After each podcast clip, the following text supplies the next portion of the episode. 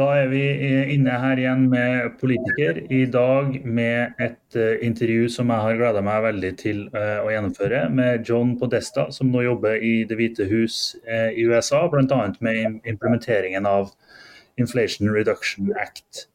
Dette tror jeg blir veldig spennende og, og nyttig for, for, alle våre lyttere. Intervjuet foregår på engelsk, så det håper jeg går, går bra for alle.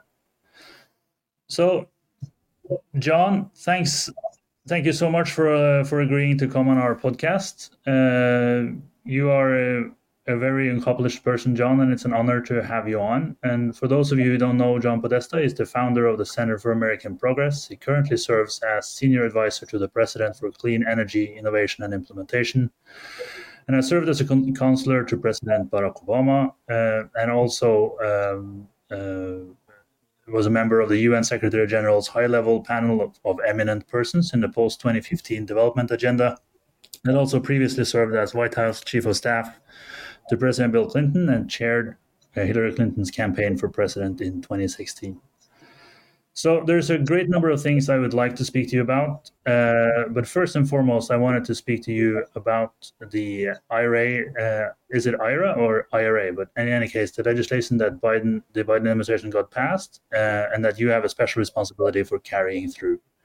So it's an impressive piece of legislation and the biggest climate investment package ever in the U.S. Um, so I was wondering if you could say a few words on how you see that legislation fitting into the Biden administration's agenda, both on climate change, but also on creating jobs and development around the country.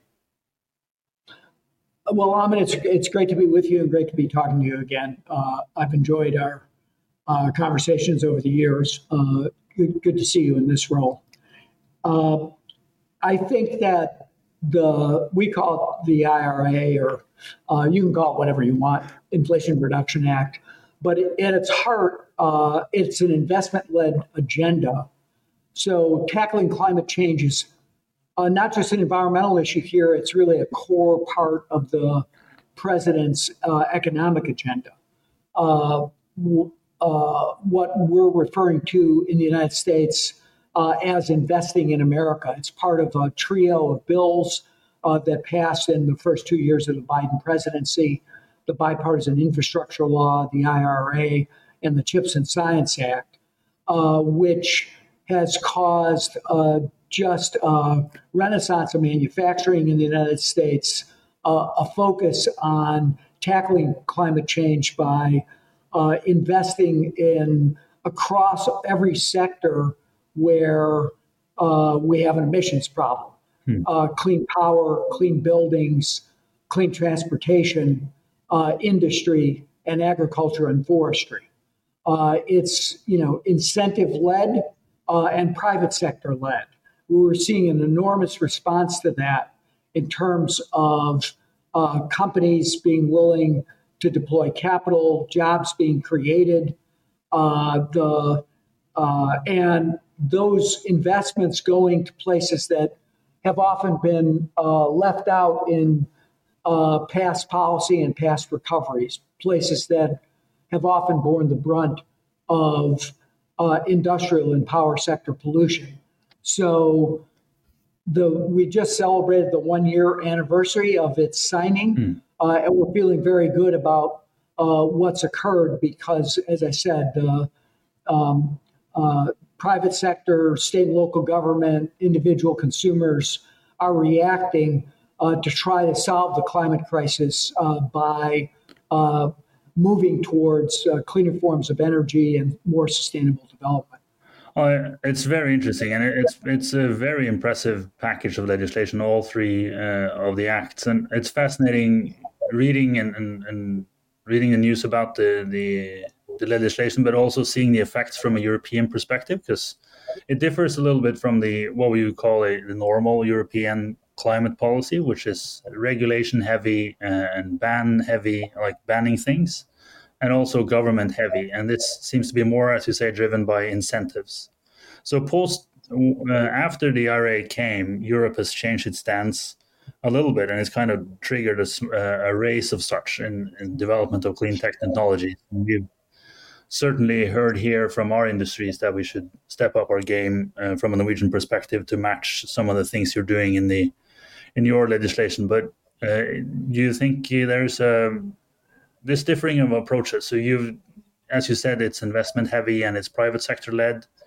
Uh, do you think there's lessons for Europe in the way you've set this up in terms of being successful with our climate change and technology objectives? Uh, I do, and I, well, let me first say that I think that uh, we took lessons from Europe as well. I mean, Europe was uh, was leading in in terms of ambition. Uh, we had the interregnum when uh, President Trump was in office, uh, where he pulled the United States out of the Paris Agreement. he tried to reverse every climate policy that President Obama had put into place. he was the most uh, anti climate, if you will, uh, president uh, in history. Uh, and uh, even President Bush, who wasn't as ambitious as I would have hoped, at least took the problem seriously. President Trump was completely, um, you know, antagonistic towards climate action while he was in office. Uh, so there was a, uh, a major need for the United States, I think, to exert its leadership again. And we took heart from the fact that uh, both from the example uh, of Europe as well as the example from state and local governments who in the United States who during those uh, years in the in the late teens uh, were committed to continuing climate action even if the federal government hmm. took a uh, took a pause or took a break. And uh, but I think one thing that uh, changed substantially in the thinking in the United States between when uh, we were working on the climate agenda in the early days of the Obama administration versus uh, what President Biden put forward as part of his legislation was we stopped asking the question, what do we need to shut down? And we started asking the question, what do we need to build? You know, how can we rapidly uh, change the way we power the economy, uh, build uh, a uh, platform for uh, clean vehicles, for clean fuels, for clean industrial processes? And that, I think, is a lesson that the United States took up. The, the Europe's reacted to that.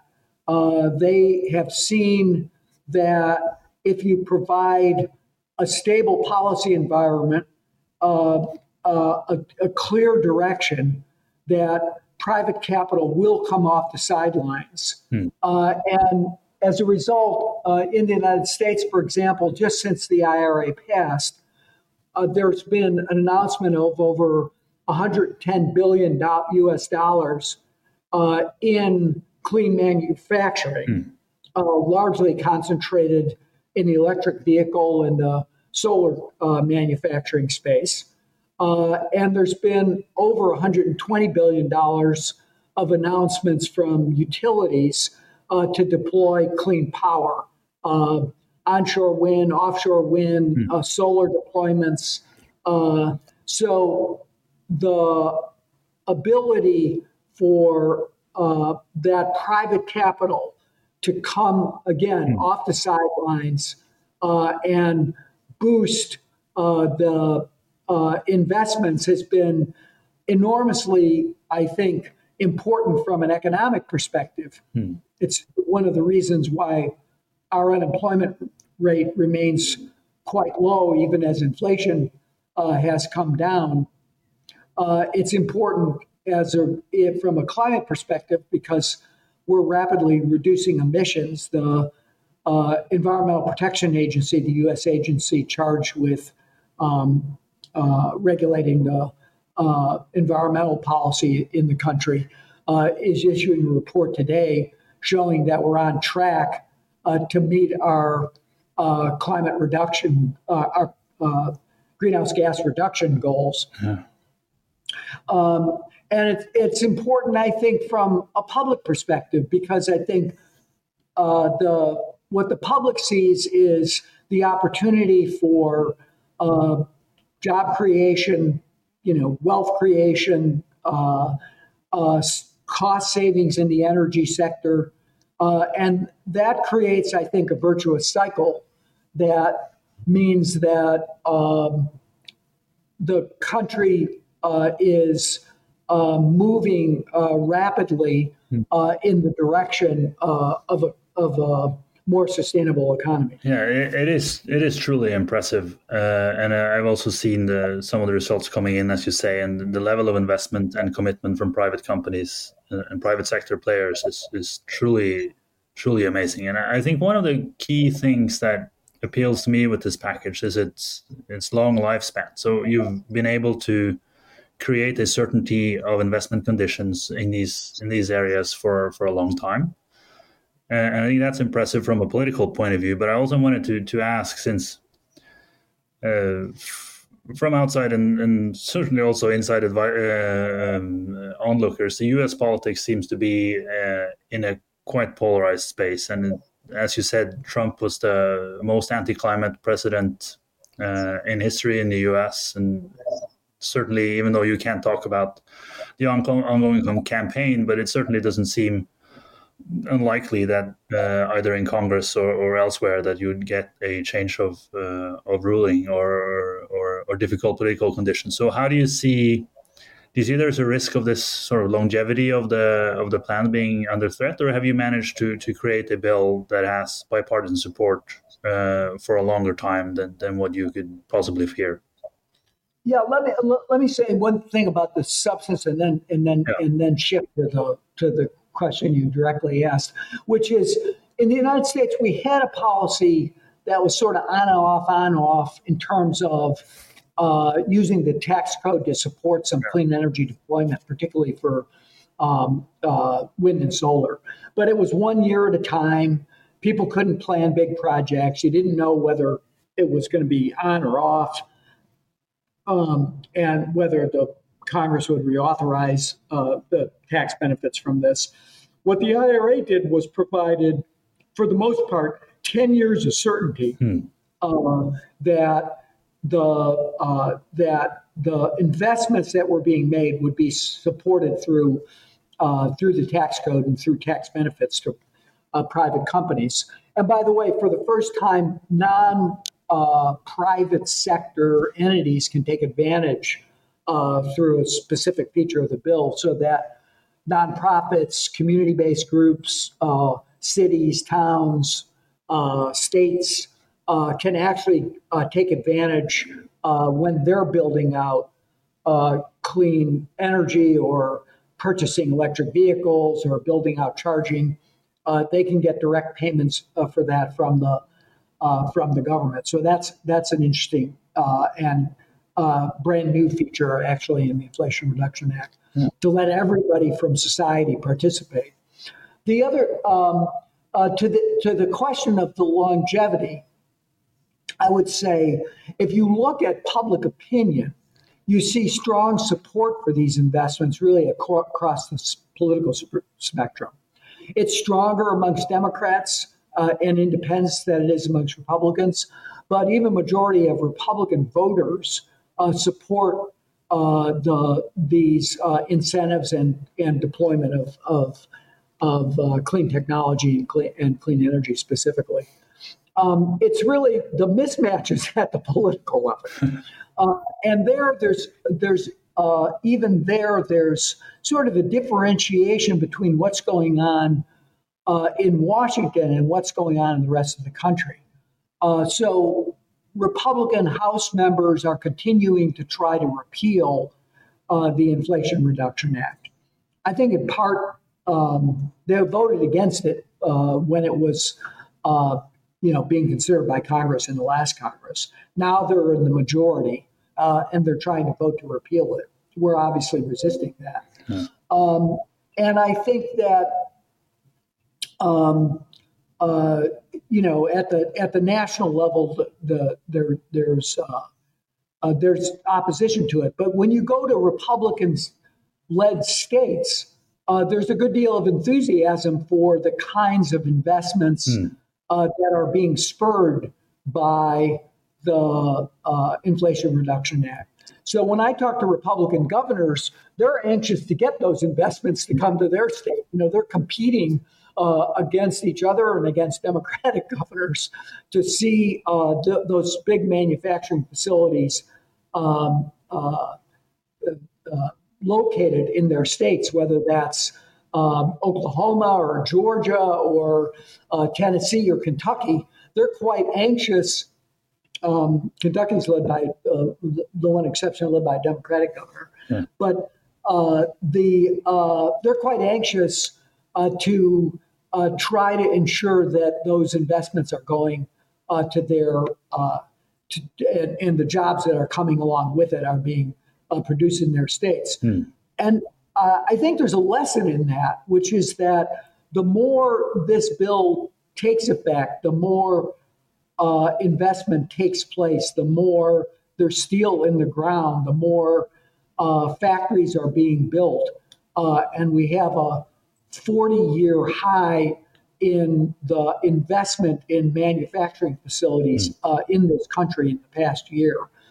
The more that happens, uh, the more uh, it becomes very difficult to reverse. Yeah. And I think we've had some experience with this uh, in the past uh, during the Obama years when uh, the Affordable Care Act passed, uh, and uh, it was a, a, key priority of Republicans to try to repeal uh, health care for uh, everyone. That uh, the Affordable Care Act was, um, you know, enabled. Um, you know, once it the public felt the effects of that, it became harder and harder. And ultimately, I think the uh, Republican Party has largely thrown in the towel on trying to repeal the Affordable Care Act. And I think uh, this will follow, I think, the same pattern. And in fact, the clean energy investments are really actually, from the get go, were, were quite uh, uh popular uh, as opposed to uh, the the Affordable Care Act, which took some time uh, to build public support for. So I'm quite optimistic that we'll be able to first of all resist the attempts to repeal uh, the bill uh, that Republicans are undertaking right now, um, and uh, ultimately, uh, as the economic effects are felt really in every corner of the country. Um, that this has a lot of staying power. People like the results, they like the jobs, they like the, the fact that the United States uh, is becoming more secure in terms of the uh, ability uh, to work both domestically and with friends and allies uh, to secure supplies of, of clean energy and clean materials. You know, there's a big debate about our overdependence on China uh, for uh, both in the electric vehicle space and in the solar space. That's beginning to reverse with the investments that we're seeing here in Europe and other places. So, I, you know, I think it's a good news story, and I think ultimately, uh, and, and, in part because Republican voters uh, are, you know, re- remain supportive of the direction of this bill, uh, that the Republican politicians will eventually come around. Yeah, I think that's uh, that seems uh, to be true, and I also think, as you say, that once these kinds of policy bills get into motion and investment starts happening, it, it, it obviously becomes worse to to oppose it. Right? Everyone would like investments, and they would like jobs, and it would like most of them also for for climate change to be solved. And I, I think I really do think that the IRA legislation uh, shows a path where you can really join forces with private enterprise and investment uh, players and also local communities to create jobs and create uh, new climate technology that we all need. But once the when the legislation came, uh, I remember I was in uh, in the Ministry of Energy and Petroleum here and a lot of the players in the Norwegian and European industry were super nervous and, and felt that this would create a, a very competitive framework for cooper- for the for the relationship between the U.S. and Europe, especially in some of the clean sec- tech sectors when European companies have had somewhat of a lead. And I've always been of the belief that it's certainly only a positive that the US, after uh, the Trump years, have really gotten uh, to join the race and help uh, bring these technologies to market. But I was wondering if you could share some some perspectives on on sort of the the space of either cooperation or, or competition between the Euro- Europe and the US, especially at a time where de-risking from China is certainly a, a, big ticket item both in Europe and the US, and a lot of European industrial players and, and businesses are at the moment dependent on trade with China, uh, both in their value chains and also as a market. So, in in this space, do you think um, there are risks in the way this is played out, or do you think this is mainly a, a win-win solution where everyone benefits from the US coming in more heavily in this space? Well, look, I think there was no question that uh, uh, friends in Europe were ner- were nervous about the fact that uh, investment would be diverted from Europe to the U.S. And our answer to that is we need to go f- fast in, in, you know globally, and there's and there's space for that, uh, and that. Uh, we want European ma- manufacturing to succeed, just like we want U.S. manufacturing to proceed. But when we're using U.S. tax dollars we think it's appropriate um, uh, to support investment that's that's directly uh, headed to the United States. It ha- the investment in the U.S. also also has a positive global effect. Um, uh, BCG, the consulting group, uh, estimated that we will be driving the price of clean energy and uh, clean technology uh, down by more than 25% globally which means there's more opportunity to deploy uh, because you're you're you have that uh, cycle of cost reduction, which means uh, these technologies are even more competitive against uh, fossil fuels and and older technology. Yeah. Solar is now uh, the cheapest form of uh, of energy production to be deployed globally, and we've seen uh, solar for the first time pass uh, fossil fuels in terms of uh, percentage of global deployment. So I think that's a good news story for the world, for both for Europe and for the rest of the world, that we're driving down the price of deployment. Um, and I think the U.S. market, excuse me, um, I think the U.S. market is open to European companies uh, investment here, and that's and that's uh, certainly occurred. But we're also in conversation with the EU, with Norway, with with the UK and others about how we can uh, find a way uh, to find common ground, uh, particularly on this uh, supply chain challenge. The ability to source critical minerals, the ability to create uh, components for both um, uh, electric transportation uh, and batteries and, and, and, and solar. And I think, look, we're working through that. And I think that we've had very strong uh, and solid conversations hmm. about trying to find uh, uh, trade arrangements where we're mutually reinforcing in terms of being able to procure uh, and not be overly dependent on a single source of supply. Yeah. You know, I think Europe learned as a result of the Russian um, illegal invasion of Ukraine that uh, their dependence on Russian fossil fuels was a strategic uh, dependence that they regretted. And I think you don't want to substitute one uh, dependence for another. And I think uh, we, you know, we're in active conversation about uh, trying uh, to create uh, market mechanisms to uh, be able to utilize the uh, features of the IRA that permit countries that enter into trade arrangements, particularly in this critical minerals area, um, to, can take advantage of the incentives that are in the Inflation Reduction Act. And we've opened that dialogue with the EU, with Norway, with UK, and with others.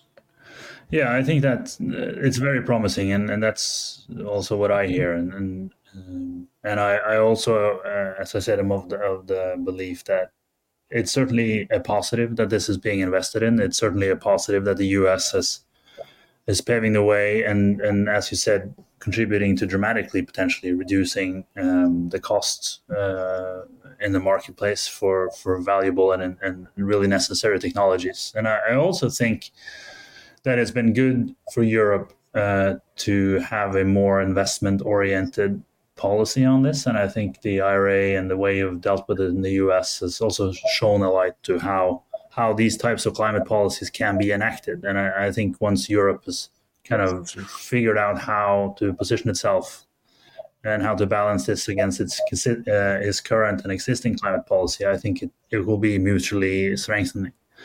So I, I have a couple of more questions on. Uh, just, just say one word about that, Amund. Yeah. Uh, the, I, I think the one thing I hear from from particularly from European companies is, uh, and the advantage that the United States has in the structure of its policy. Is it simple, straightforward. you know what you need to do in order to take advantage of the of the, the uh, credit? There's a very substantial uh, bonus uh, in the tax credits uh, for um, uh, for uh, paying prevailing wage using uh, registered apprentices, which will boost decent work in the United States and good paying jobs, so that we're not just creating jobs, but we're creating good career jobs for people with an advantage, with leveling the playing field and. Mm and uh, boosting participation by unions uh, in the clean energy uh, space. Uh, but it's essentially quite straightforward, whereas the, uh, the complaint I hear on the European side is it's all more opaque, more difficult to access.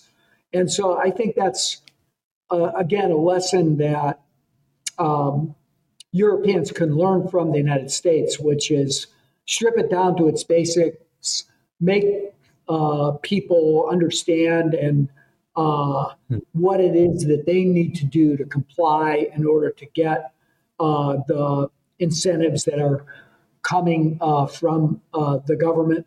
And uh, the investment will will will follow. So um, anyway. Yeah, well, I think that's uh, I think those those are valuable lessons for, for European policy players to, to take at heart, and I, I certainly think that the, the level of enthusiasm from, from private play, private sector players to the new legislation in the U.S. certainly also highlights that this can be a, very promising avenue uh, to to go down to to realize our climate goals um, sooner rather than than too late, which seems to be the the current trajectory. But also, when we talk about investments in new climate technology uh, or energy production uh, in Norway and in Europe, uh, I, I, sort of see that there's a couple of bottlenecks that we all need to, that it seems similar across borders that we all need to sort of do something about. The f- first would be the licensing permitting space, where at least in Norway, it takes a long time to get uh, permitting to build both grid infrastructure, energy production, and other things. And the second would be uh, access to competent competence and to to qualified workers, which I, uh, Norway is we're five million people, so our problems with access to to personnel is certainly dire. But I've, also heard that this can be a problem other places, especially if you want as a progressive politician to to place these investments not just in the urban around the urban centers, but also in the more rural areas where uh, high paying jobs is certainly a, a, a, clear one. And the last one would be, as you touched on, the access to critical minerals um, that are needed to power the green transition. So I wondered if, uh, as we're sort of heading in for, for landing in this conversation, if you would uh, touch upon those, those maybe especially the permitting, which seems to be a crisis that is um, meeting a lot of policymakers across borders uh, today. Well, we're really focused on this uh, at the government level. Uh, we uh, could use some help from our Congress uh, there was some legislation passed as part of the debt limit bill that sped things up a little bit. But just to give you an example where this is really a critical uh, issue is in permitting um, high performance, uh, uh, high voltage uh, DC transmission lines. We have an abundance of, of clean uh, resources mm. wind, sun, geothermal, but they're not always nearest to uh, our urban centers where the highest demand is. So we need to, we have tremendous opportunity to produce uh, renewable energy, but then we got to get it to market. Yeah. And that's going to require us to essentially double the speed of permitting transmission. Uh, we have to build out about 60% more than we currently have.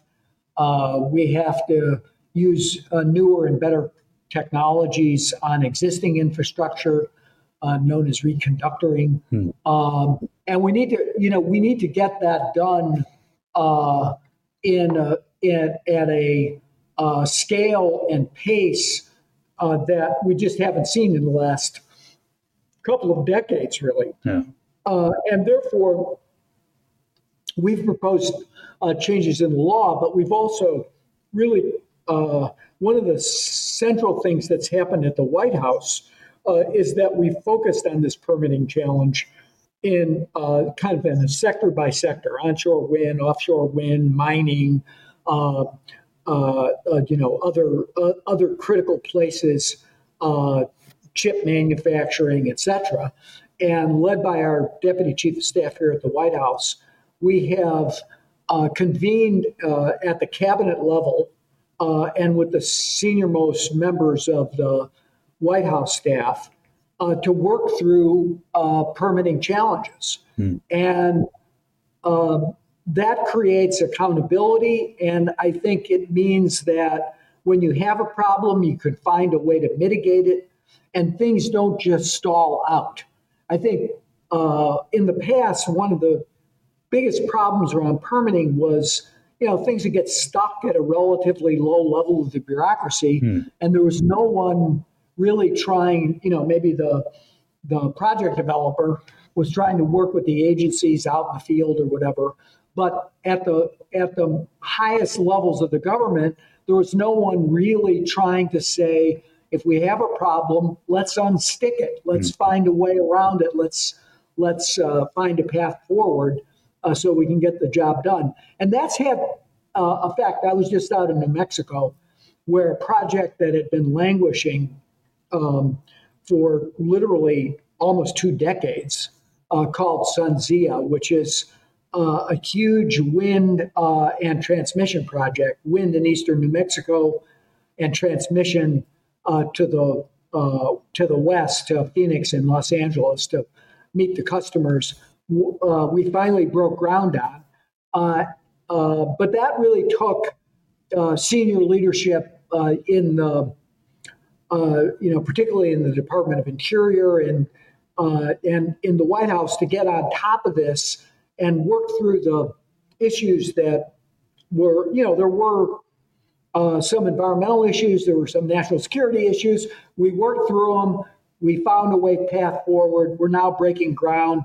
And that project, just to give you a, a sense of the scale, is larger than the Hoover Dam. Uh, and I think people in Norway even know what the Hoover Dam is in terms of electricity production. So it's on a scale that's that's uh, humongous. Uh, uh it'll be providing 3.5 um, uh, gigawatts of, of power into those uh, critical markets.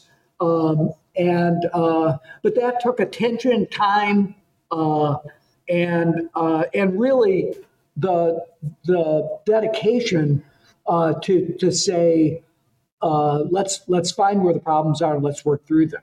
And uh, since the president came into office, just in less than two years, we were able to pick that project back up and, and get it and get it permitted. And I think that's what it's going to take all around the all around the world. Really, is serious attention to this if this is going to get done.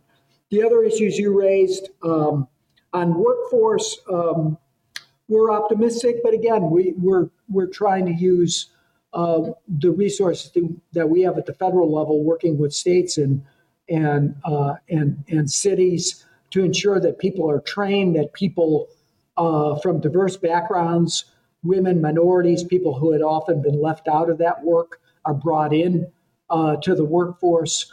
Uh, and I think you know over time we're going to work we're going to work through that through training programs. The unions, in particular in the United States have very strong uh, training programs for skilled uh, workers. Um, uh, the critical minerals challenge is, is one that we all face, and and uh, uh, and again, we need we need to work together and cooperate uh, and be able to find sources that are going to be secure and stable. Yeah, I think that's true, and. Um, here as well, we see access to critical minerals being a, a a, challenge for for uh, emerging battery industries, for creating more efficient engines, for creating most of the things really we need to uh, to be able to do the green transition in a way that, as you said, didn't don't just um, change one import dependency uh, with another in terms of importing critical minerals as well from from China. But John, this has been a, a a hugely interesting conversation. I certainly would have liked to have more time to discuss uh, some more of the political overtures in this as well. But it, from my perspective, it seems like the IRA legislation has highlighted a way to uh, make friends and allies with the private sector and being able to raise the investments that are needed. And it seems like it has also spurred action in terms of increased quality of legislation in, in Europe as well on this area. So I, it's certainly a very, very impressive uh, piece of work from a political uh, point of view. So thank you so much. Yeah, I, I, think from a Norwegian perspective, too, just to finish up, uh, Amund, yeah. Uh, I think the focus on uh, ensuring that the benefits are broadly shared yeah. Uh, and that Uh, the focus on the quality of jobs, not just the number of jobs, uh, is really an essential feature and so and to some extent from a U.S. perspective, maybe less than a Norwegian perspective. That's unique, and I think that has staying power too. Yeah, I agree, and and, and it's a it's a very it's, very good that I think progressives both in, in Norway and, and, and the U.S. are able to find their footing in terms of creating climate policy that is more to the core of the progressive, progressive project and creating high quality career jobs that can, can create opportunities also in the parts of the country that uh, that has, well, in some cases, been left out of the the economic growth in the last uh, in the last years. So, so thank you so much, Sean, for for taking the time. Sure. All right, um, good to talk to you. You too. All right. Ok, Det var eh, intervjuet med John Podesta. Så det var en kjempespennende prat. Eh, så kommer vi tilbake med flere episoder av Politiker i tida som kommer.